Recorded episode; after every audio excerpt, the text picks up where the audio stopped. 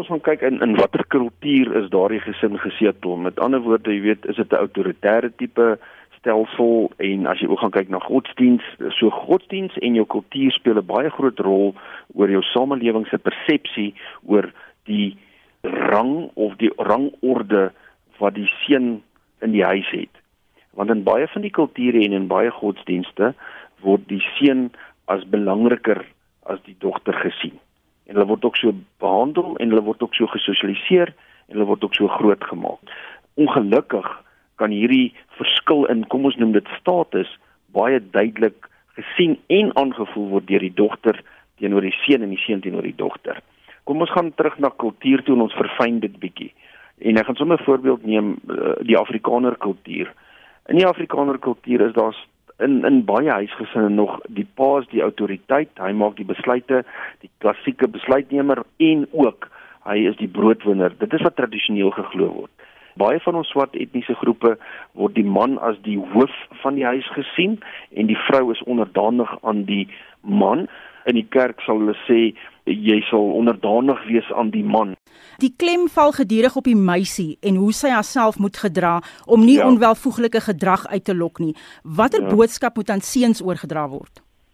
Ek persoonlik dink ons moet heeltemal gelykleidend wees as ons dit albei kante toe presies dieselfde wees. Wanneer 'n kind gebore word tot, tot omtrent die ouderdom van 6 jaar, wie die meisies word baie meer in die katoen toegedraai as wat die seentjies. Nee, laat die seentjies laat hy boom klim, laat hy val is goed, hy gaan taai word en die samelewing het oor jare, dis dis eintlik eeue maar het daai rol absoluut vir die vrou verseker. Dit is jou rol, dit is hoe jy gesosialiseer word en ons moet jou oppas. Die stelsel en die ouers en die familie en en die gemeenskap moet jou oppas omdat jy 'n vrou is. Maar ons het sekere voorskrifte vooropgestelde idees en stereotypes oor wat geslag is en wie en hoe hulle in daai blokkies moet inpas.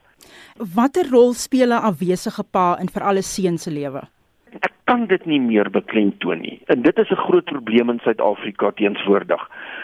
Die meeste seuns en ons praat van al die bevolkingsgroepe nou is paas afwesig in hulle kinders se lewe. Die pa se afwesigheid by beide geslagte, by seentjie en dogtertjie. Onthou, seuns verafgod hulle pa aanvanklik as kinders. Nou het jy 'n afwesige pa.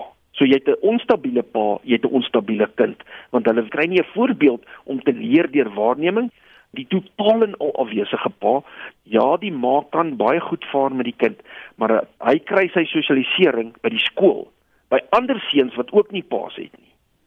So dit is totaal en al 'n ongesonde siklus wat hom in Suid-Afrika oor en oor en oor herhaal want ons groot meerderheid seuns word groot sonder 'n pa in ons land.